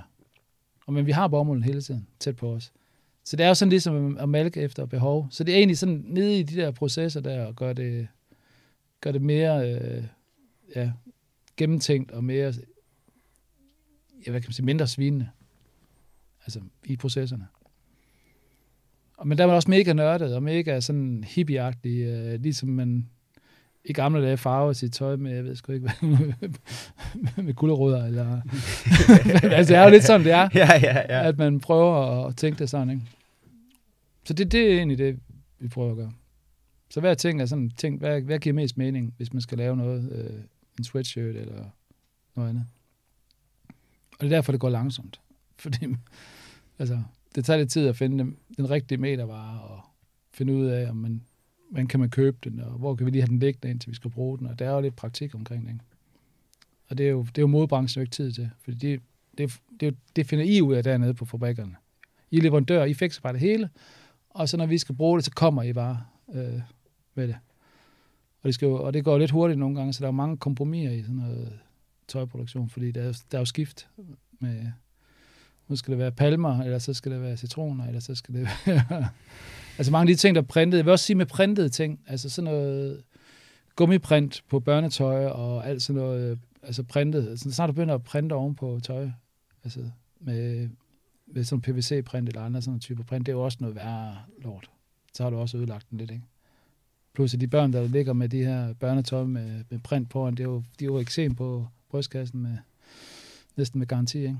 Godt være, at det ikke lige kommer med det samme, men når de bliver ældre, så har de i hvert fald været i kontakt med rigtig meget. Så det er jo også, hvad kan man sige, når man i hvert fald skal tænke på, hvad man putter propper på tøjet, når man har det på. Uh, ja, både ja, ting, man syr på, men også printer på. Nørderi. Men Nørderi. det er det, ja. Jeg har lige læst en sindssygt interessant bog. Jeg blev lige færdig med den i dag. Der hedder Cradle to Cradle. Ja. How we manufacture in the modern world, eller sådan noget. Ja, ja. Har du hørt Nej, om den? Ja, jeg har hørt om det. Ja. Ja. ja men det er jo sådan en, en saying, det er noget, man siger. Ja. Ja. Skrevet af en øh, kemiker og Ja. en arkitekt, ja. hvor at de blandt andet i bogen prøver at gå ind i den her tankegang om, at i stedet for at tænke bæredygtigt i den forstand, at man prøver at reducere, hvor skadeligt et produkt er, så prøver man i stedet for at lave produkter, der i den reelle forstand er bæredygtige. Altså, kan vi lave en t-shirt, som når vi har brugt den, vi vidderligt kan smide ud Mm. af vinduet, Mm. ud på marken, Mm. og så vil den rent faktisk Mm. degrade som Ja. et, du ved, et bioprodukt. Men der er jo også, altså man kan sige, ja på den der måde, men der er også lige et system, der skulle kunne bære den rundt, den der t-shirt, og så for, at den kommer rigtigt sted, og bliver smidt det rigtige sted. Men i hvert fald, nogle af de tiltag, der er, øh, for eksempel med bomuld, ren bomuld, det kan du lave til isolering, som du kan bruge til, til hus, eller andre ting, til biler. Altså, ren bomuld, det kan du jo lave til tæpper og lave det om igen. Altså, og det er der også nogen, der gør i Danmark. Du kan jo lave nye isoleringsplader ud af, af tøj. Mm. Altså, du, tit skal du bruge ting til ja, fyldning af døre, eller fyldning af ting. Der er jo mange ting, øh, tekstil kan isolere. Øh, så hvis du får ren bomuld i gang, eller rene, og det er jo igen, så skal vi dyrke bomuld, så skal vi gå i det. Og, altså, det er jo også, når man bomuld, så er også det, der holder længst. Men folk de vil gerne skifte tøj også, jo, fordi det er jo sådan lidt, det skal lige være lidt modagtigt også, ikke? Altså, vi vil gerne lige være det smarte. Altså, den er, den er virkelig hård at, at knække. Men rene veje i ens kvaliteter, som man kan recycle, og så kan vi begynde at lave ja, isolering af det, eller andre ting. Men der er nogle tiltag, nu kan jeg ikke lige huske, øh, hvad, fanden, hvad det er, de laver, men der er nogle tiltag her i Jylland, hvor de laver nogle, nogle plader, som man kan bruge til, til bygninger. Men det er, jo, det er nogle industrier, der skal mødes. Det er jo en tekstilverden og en, en anden verden, der skal... Altså tekstilverden har jo ikke travlt med det, fordi det er jo ikke, de sælger det jo. Så er det jo også privatpersoner, der har der løber rundt med problemerne bagefter. Ikke? Klart. Så, så er der være også- pant på. Mm. Det er også noget, vi har gået og tænkt på. at Vi Mm. vil have pant på vores tøj. A, B eller C? Ja, ja, det ved jeg sgu ikke. Men altså, aflever det til os igen, når I brugte det, så kan vi jo lave det om til noget andet, og så kan du købe det. mm. Fordi så kommer det jo tilbage. Fordi det er jo noget, det, de også skriver om, at det er noget, det der, det, der kan være sindssygt svært i forhold til at genbruge ting. Det er netop, som du også var inde på før, at tingene bare bliver blandet sammen. Altså, Ja, du, du får bare en pærevælling af Ja. kemikalier, der bliver smidt ned i et produkt, og så er det umuligt at pille det fra hinanden. Ja. Så det er umuligt at netop at genbruge det. Ja. Men der, der er jeres tøj måske så rent, så at sige, at de sagtens vil kunne lave. Ja, det kunne vi godt, ja. Ja. Vores bomuld og vores model er ren, og det kan... Så derfor kan det ikke pilles fra hinanden. Der- er, der er jo no, der er selvfølgelig nogle små ting, der kan være på, øh, måske på jeans en knap, der skal klippes af og sorteres. Altså, der er jo nogle lukningsmekanikker på noget tøj, som er lidt svære at løse, jo. Men så bare lade være at lave jeans, bare lave, gør det som bare gå i joggenbukser. Mm. Altså, Hvorfor ikke? med snor i, og så må vi, så må vi binde Ja, på den måde. ja? Altså, ja, ja. Med binde med palmeblade eller Ja, ja. et eller andet, ja. Jeg synes, det, jeg synes, det er sygt spændende, Martin. Det, det må jeg godt nok sige. Jeg synes, det er meget, meget spændende. Jeg, vi snakkede om, inden vi begyndte at optage her, der, der, der kom du lige ud i en, i en lille form for eksistentiel krise, der varede cirka 4 sekunder. Og det var på spørgsmålet om, hvorfor laver du tøj? Ja, det var også, ja, og det var det, der, altså, det var det der også her under coronatiden, altså jeg brændte jo helt ned over det, altså. Og jeg tænker også bare, jeg vil ikke, jeg vil ikke have det spørgsmål. Altså, fordi jeg tænkte på det, jeg tænkte på før, ej, nu vil jeg bare spurgt om, hvorfor du laver tøj, og, og det er også det, fordi det giver ingen mening at lave tøj. Og det er også derfor, det er jo en lang livskrise, ikke? Det er jo at lave det her tøj. Men så, så fandt jeg ud af, som håndværker, jeg kan ikke lave andet. Altså, jeg kan næsten ikke stave til socialrådgiver. Altså, så, så jeg er nødt til at lave et eller andet, som uh, lidt håndværksagt, ikke? Så det er jo det, jeg er opvokset med. Så, og dengang, sådan, jo, jeg kan godt lave andre ting, formgive andre ting, men det er ligesom det, jeg har, jeg, der er bare stærkest, og har brugt mest tid, og har bedst viden, og, og, og det er egentlig det, jeg sådan tænker, det, det er nok bare, altså det må jeg bare indse, så må jeg bare blive ved med det. Selvom jeg virkelig gerne vil lave noget andet. Mm. Altså, hold kæft, jeg gad godt lave noget andet. Bare male en væg, eller et hus. Men nu har jeg så et sommerhus. Ja, nu har du fået sommerhus, ja. Ja. Så det er altså virkelig, altså, komme ud og flytte noget derude, og plante noget i baghaven, og fælde træ, og altså det er virkelig fedt. Også fordi det er så upoleret, der hvor vi er, og det er sådan et gammelt sommerhus, og en grund, der er helt groet til. Øh, så der kan jeg ja, blive gammel hippie. Altså, jeg, du er sgu allerede jeg gammel, er gammel ja. og jeg er gammel også derfor, jeg sidder her 20 år siden med det der Pont Royal, og også bare sådan stadigvæk er bare... Men jeg tror, jeg har sådan en ung naiv sind om, at det nok skal blive fedt det hele på et eller andet tidspunkt, men øh, det er ikke mig, der kommer til at køre rundt i Porsche og, og bling bling i hvert fald. Og det virker du også til at være fuldstændig ligeglad med. Jamen, jeg, jeg, jamen, jeg, jamen, jeg, pisse, jeg er pissed over dem, der gør det. Mm. Jeg havde jo, hvad hedder det, det var fandme sjovt der i BS eller der. Så havde jeg sådan en Passat, der gik kold, så købte vi, så skulle vi have en anden bil til vores børn, så købte vi sådan en Berlingo. Det var egentlig en kopi af en Berlingo, fordi det var en øh, partner. Besøg partner. Mm. Og så kom jeg også ned på øh, bestseller der, og så sagde han, prøv at designer, du kan sgu da ikke køre. Men fanden, det hænger ikke sammen. Du kører Berlingo. Mm. Men så, så fik jeg sådan en, en Jaguar fra 74 af min kæreste på et tidspunkt, som jeg så kunne køre rundt i weekenderne. Men det, jeg synes bare, det var så fedt at køre rundt i Berlingo. Altså, jeg synes, altså, det var klasse at komme ned på parkeringspladsen mm. der, og så lige ind og holde ved siden af Tesla, de nye Tesla der, ikke? og de andre i den der lortebling, bare banke døren op ind i siden på dem, og så gå op og sidde og lave tøj. Ikke? Men det blev bare sådan en del af en, at man ligesom... Og jeg kan huske, øh, nogle gange, når jeg kom igennem nogle afdelinger, de kiggede, så sagde de, Berlingo. Altså, det sagde de til mig. Og så gik jeg bare og sang hele tiden... Øh, Berlingo. Mm, altså, det, det, var bare sådan, det var sådan en ting, altså, det var bare sådan en del af en at have en Berlingo, åbenbart. Altså, man kan jo ikke have, altså, jeg tror også, jeg var den eneste, som ligesom brandede mig selv på at have en Berlingo. Og dengang jeg stoppede bedst, så fik jeg også et billede af min Berlingo med vinger eller et eller andet. Mm. Altså. Ej, men det var bare, altså, jeg ved jeg sgu ikke. Men det er også, det ved jeg ikke. Man må jo spille på et eller andet, når man ikke har midler til at køre i store biler. Det er måske bare sådan en modreaktion på, på men altså, jeg, jeg, jeg kan jo godt lide flotte biler. Altså, altså det, der er bare meget status og mange ting i det. Øh, og der er mange, altså, der er jo noget, øh, noget selvværd i de her ting, man, man er og siger. Og, og selvfølgelig, hvis man er klædt godt, godt på sådan økonomisk, så er det jo klart, så er man bare en anden person og har haft et andet liv. Ikke? Altså, der er nogen, de har så fået det, fordi de har haft nogle forældre, der kunne give dem mulighederne for bare at fortsætte et, et, et liv med penge. Mm. Øh, men det har aldrig, altså det, det, det skulle aldrig betydet. Altså jeg tror, hvis det har betydet noget for mig, så har jeg nok lavet noget, hvor jeg er mere safe. Mm. Men jeg, jeg tænker også på det, når man kommer i min alder, at man behøver ikke tage chancer hele tiden. Altså ens omgivelser er jo også sådan, at nu, prøv lige at tage et par år, hvor det bare er sådan stille og roligt, ikke? Altså, det tænker jeg egentlig meget på nu. Mm. Godt være lidt rock and roll, men det må også godt være sådan lidt mere stabilt. Mm. og så kan jeg også stå og være rock roll ude eller i sommerhuset. Ja, med, I bare med, ja, ja, ja. med spaden der. med spaden, ja. ja. Mm. jeg, tror, altså, jeg tror også bare på mange måder, at folk, der har de her fede biler og flot tøj og hvad det nu kunne være, altså det er også bare folk, der, der, hvor det betyder meget for dem. Ja, det kan jeg godt, det, det kan jeg godt se. Og det er også, hvad kan man sige, nu har man jo også, når man har sommerhus, så har man jo også naboer. Det er også det der med, altså, min have er flottere end din have. Der er også sådan noget hele tiden sådan noget med, og nu starter vi det der Instagram, der, ikke? at mit liv er federe end uh, dit liv, og det var også det, vi startede lidt med at, at snakke om her øh, i vores snak, at det der med, at, men, og det, og det er også det, tøj er lidt jo, det er jo sådan overfladisk, det er ikke noget, vi, vi har ikke brug for så meget af det, som vi egentlig forbruger men man har brug for ligesom at have status et eller andet sted. Ikke?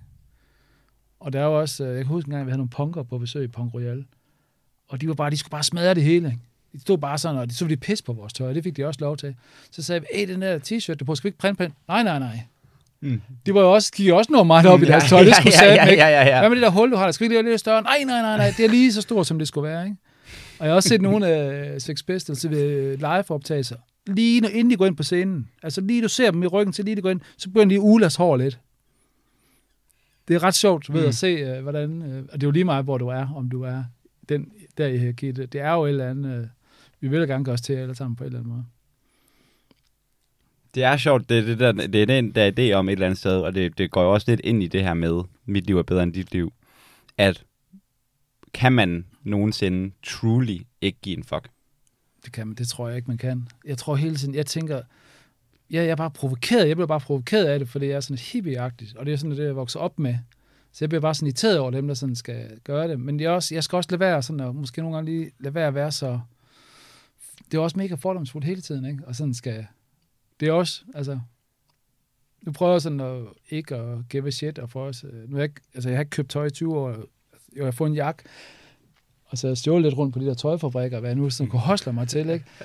øh, men jeg går selvfølgelig godt op i, hvad jeg går i af tøj. Altså, altså, hvis jeg får noget, så vælger jeg noget, jeg kan lide, og noget, jeg synes, der er, der er mig. Men jeg har jo ikke skiftet tøjstil, siden jeg var 12-13 år.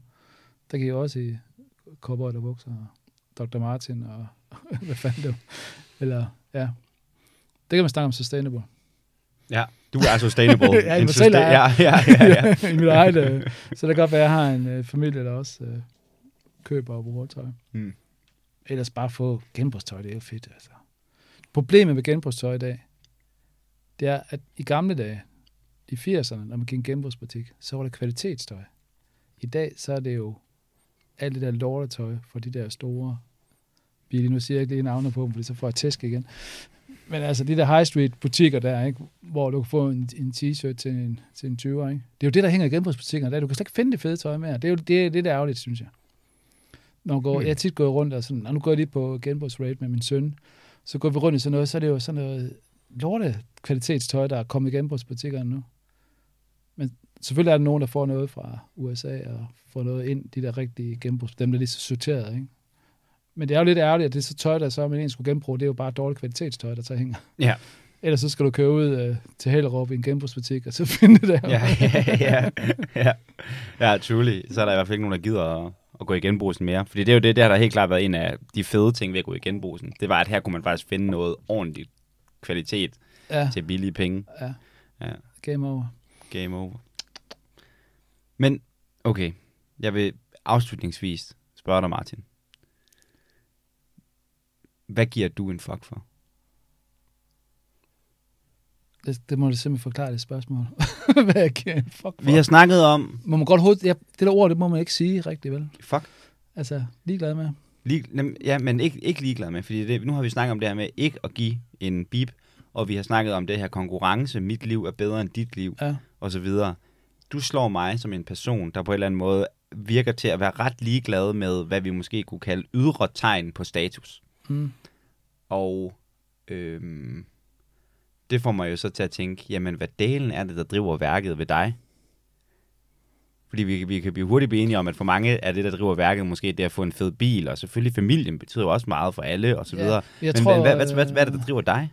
Hvad, hvad, hvad får dig op af sengen om morgenen, Jamen, udover din dejlige familie? Ja, jamen det, det er faktisk, det, det der, og det kom ind i tid, det er jo det der med at skabe noget for andre, se glæden med, ej, det synes de er mega fedt. Jeg kan huske, da vi lavede det, det der Stella Polaris, der første gang ude i sådan en have, der folk de kom bare gående derop med deres tæpper, og ej, var det hyggeligt her, og hvor er det fedt, og jeg kan huske, at lave Blowbar, hvor vi lavede det sådan lidt hemmeligt, og gamle spolerbåndoptager, og sådan noget James Bond-tema, og smalfilm, hvor folk de, ej, var det hyggeligt og fedt, og de sådan kom ind i miljøet, der var der ikke. Altså det der med at se glæden med nogen, der var, for en fed oplevelse. Det er mega fedt. Altså det der med at skabe rummet, skabe øh, sådan stemning, og alle skal være glade, ikke? Altså, og det er mærkeligt, at jeg ikke har boet i et eller andet øh, kollektiv, og stået der lavet mad til alle, og altså det, det der, det synes jeg bare er fedt. Og det er også det, der udfordrer en lidt selv. Sådan, jeg bruger meget energi på at gøre andre glade, ikke?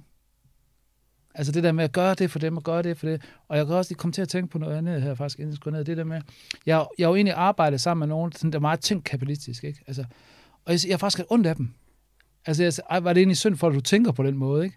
Altså sådan en helt psykopatisk forretningsmand, jeg har, nogle gange har arbejdet med, ikke? som har brug for at have kæmpe biler, ikke? så tænker jeg, kæft, hvor er det bare synd for dig, man går ind og sådan trøster dem næsten, ikke? og siger, nej, nu skal jeg nok lige sørge for, at det ikke bliver så hårdt for dig, fordi det må være hårdt at være sådan, at hele tiden skulle altså præstere i det der, øh, og være, gå så meget på kompromis med venner og familie og sådan noget, at øh, det er da helt synd for dig, ikke? Altså, og det, det, det, det skal jeg så lige tage mig selv lidt i. Jeg snakker også om øh, det derhjemme nogle gange i familien der.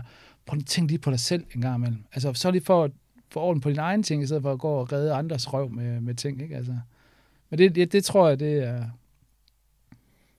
Det bliver jeg mega glad for, at se ting. Nu, nu er det også her på øh, Vesterlav, de åbnede herovre på den anden side, øh, på Skøs Hoved, øh, et badehotel derovre, ikke? Og jeg har også gået over og snakket med dem. alle jeg kan hjælpe med her? Jeg synes, det er mega fedt, det I laver, men og der er jo en båd, der sejler fra Aarhus Havn derover frem og tilbage. Altså en gammel øh, tunefærge, der bare fiser frem der, ikke? Det er jo mega fedt. Og det er jo ikke noget, der, du ved, så... Jeg vil næsten sige, det er federe at sejle med end at flyve til øh, Dubai. Altså få mm. den oplevelse at komme derover. Altså det der med de der nære øh, bundeoplevelser, ikke? Men, ja, det ved jeg sgu ikke. Men det er måske også det, jeg sådan har bragt til tøjverden med de steder, jeg har været. Altså få det også i bestseller bare ned på jorden. Vi er bare lige her. Lad os prøve at gøre det her sammen ordentligt. Og, det, og det, sådan kan man egentlig også godt tænke forretning. Det er så først nu, jeg er begyndt at tænke. det skulle lige, det skulle lige være lidt lige- succes først, ikke? Ja, lidt presset, lidt presset. Og det var også det, der brang... Altså, Pongruelle startede jo også at være totalt på røven, ikke? fordi vi lavede et andet projekt, og vi havde ikke omsat for noget. Så det var bare sådan, øh, hvad fanden gør vi? Øh, noget gennembrudstøj, lad os printe på det, dem må komme ind ad døren og sælge det til dem, øh, så vi kan komme videre. Ikke? Men det var jo bare et moment, der så man jo en mulighed der, og så forfølge, altså... Man vidste ikke, hvad man vidste bare, der er noget her, det er skide godt, og så bare efter det, ikke? Og det er jo det måske, der sådan tegner sådan ens livsmønster. Og der er man også bare røget i noget, virkelig noget lort en gang med, ikke? hvor man bare, nu tænkte du dig ikke om igen. Overhovedet ikke den her gang. Altså. Mhm. Men det var fandme sjovt på vej derhen, ikke? Men da man så ikke får redningsvesten med, så var det også bare surt at, at skulle hjem igen, ikke? Så dem har der været nogle af. Dem skal der ikke være så mange af mere. I hvert fald ikke for mig. Mm. Jeg håber for, der må være nogle nye, du må finde en aftager, ikke? Altså, Der må være nogen, der lige kan nogen, der tage træder til. Du har en søn, der er ved at være der omkring, hvor du startede Punk Royale. Ja, ja, men han siger også, far, man, jeg gad fandme godt at have dit liv. Så siger jeg, det gider du fandme ikke, fordi der er simpelthen så mange nedture, som du ikke gider. Men så er der også bare opturene. Og jeg tror, det er der, der, altså, der er optur for alle og nedtur for alle. Der er nogen, der har mere lige liv, og nogen, de har et med bølger. Og, og så er det var lige, hvad man har skruet sammen med ens temperament.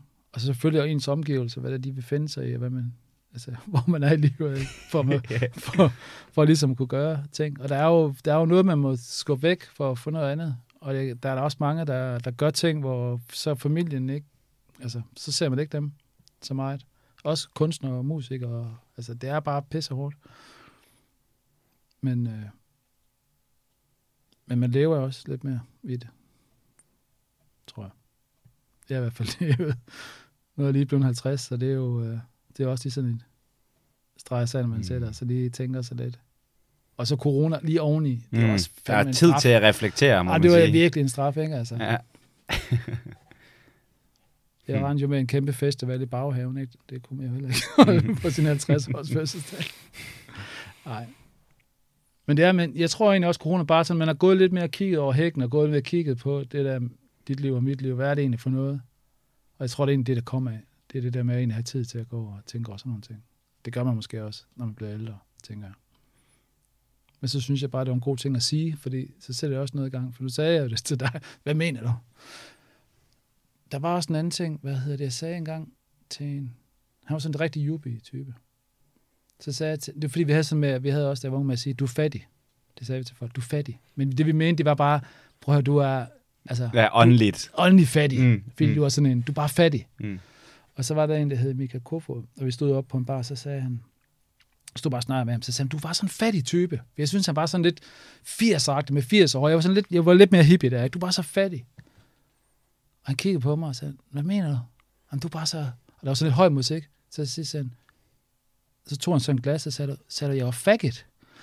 og så tog han bare det der glas og kastede hovedet på mig med noget, der duk mig, så han ramte min ven lige i panden. Og så fik han kæmpe ar i panden. Og det var bare sådan, men det var bare så, altså, det var bare så, altså det der billede, Altså det der med for det første, at væ- at være to forskellige mennesker, ikke? Og jeg skulle ligesom prøve at forklare ham en ting, men han oplevede, jeg ved ikke, om han hørte forkert med vilje, eller han tænkte bare, jeg vil sikkert være sådan en type, der sagde, at han var faggot. Mm. Altså, jeg ved ikke helt, hvor den var. Måske bare en faggot, og så var han virkelig... Ja, ja, og så øh, vidste han, så var han så fattig, og så fattig. Ja, okay. Ej, det var bare en åndssvag historie. Men det er sådan, det er sådan et meget godt billede på at egentlig bare misforstå hinanden fuldstændig. Mm. Øhm, og hvorfor står jeg og siger, at han er fattig? Det var Ja, sådan ting, den, ja, ja, det var helt overfik. Fordømmende... Altså, Men min, min kammerat, som har det der ar i, i skallen der, han, han kan jo godt huske historien, ikke? Altså, fordi når jeg ser ham, min barndomskammerat, der har det der ar i panden, så er det jo, fordi jeg har stået og sagt øl over til en anden en, og så simpelthen bare ikke fået det skrald, men det fik han i stedet for. Nå, det var en anden historie. Altså, du snakker om op- og nedture, og du snakker om, at du ikke ville ønske for din søn, at han fik dit liv. Men jeg vil sige, som ung mand på 24, som står og kigger ud over livet og min fremtid, så er det på mange måder, så kan jeg godt forstå din søn. Ja. Fordi jeg tror, at det, som de fleste mennesker gerne vil have ud af deres liv, det er et eventyr. Ja, en oplevelse. Og det må man fandme Ja. sige, at dit liv virker til at have været. Der har været nogen, der er også, øh, jeg boede også i Letland øh, på et tidspunkt, og nogle andre steder, hvor der også var nogle virkelig sjove oplevelser. Og altså, så, men dem tager vi en anden gang. Det er bare Men jeg to tænker faktisk hvad? på, det er måske næste gang, vi ses, så er der mig, der skal interviewe dig, så kan du sidde og fortælle, øh, nu er du der 24. Jeg har jo ikke lavet noget endnu, mand. Det er, det. det er derfor, det er meget, mega fedt at sidde og snakke med sådan en 50-årig, du ved, rev som dig, ikke? Som fandme har været inde i systemet og set uh, lidt ja. af hvert, ikke? Altså, Jo, jo, jo, jo. Det griner den. Men jeg føler mig ikke sådan... Jeg tror, det er, fordi min hjerne stadigvæk er lidt naiv. Og også nogle gange, når jeg er sammen med min søn, og vi er i byen, for jeg er pisse god til at danse breakdance. Virkelig god. Og det er jo sådan, at mine børn synes også, det er mega mærkeligt, at jeg kan være så god til det. Ikke? ja, det synes Men du jeg ved der, også. ja. Men altså, Electric Boogie, ja, det er mega god til det. Ikke? Og det er også det der med, og det er sådan helt naturligt for mig, når jeg bare står med min søn, og så bare begynder at danse der. Og de står bare sådan, "Mm, okay, hvor gammel er han? Altså, du ved, Ja, far, Ja. pinligt. Men han synes så heldigvis ikke, det er fint. Han synes jo Nej, bare, er synes, det er fucking sjovt. Ja, det, kan, ja, det er ja. så fedt nok. Og han har heller ikke synes, det, er- det er så pæne, men, men der er alligevel et eller andet, der bare en måske gør, men jeg ved ikke, om det er hjernen, der ikke har forstået ens alder endnu. Men, men når man begynder at tænke, det er nok det, man skal lade være. Jeg skal være til at være at tænke for mig, tror jeg. Det virker til at gå meget godt i hvert fald. Ja. Og det virker også til, altså jeg har Jamen, jeg er i hvert fald glad. Altså, jeg synes, jo, jeg har faktisk også, jeg er også, der er også nogen, der siger, du er altid mega positiv. Du er altid mega glad og sådan noget. Det er jeg faktisk. Altså, godt være, at jeg kan være helt nede og helt på røven, men det er som om, at når jeg er sådan helt på røven, så har jeg det mega fedt, fordi så, så er der bare en vej opad, så skal man lige prøve det her, ikke? Og man er ligesom, du ved, det ved jeg ikke. Jeg synes bare, det er fedt at være, ej, jeg synes ikke, det er fedt at være på røven, altså. men det gjorde jeg. Mm. og det er sjovt bagefter. Men der kommer noget ud af det. Ja, ja, fuldstændig. Gode får- historier, ikke mindst. For mig er der kommet noget ud over, det kom, fordi vi var helt lost. Så, så når jeg kigger tilbage på de der oplevelser, hvor man bare har været helt nede, så er der kommet noget godt ud af det. Fordi hvis jeg har haft den der lige linje, så har jeg ikke haft det der, wow, nu kører det bare, nu giver vi den bare gas, fordi nu skal det her lykkes øh, for os. Ikke? Og det er måske det der, hvis du kører den lige linje, og bare, ja, men tiden er fandme også anderledes. Altså, det er sgu ikke så nemt at lave rock and roll mere.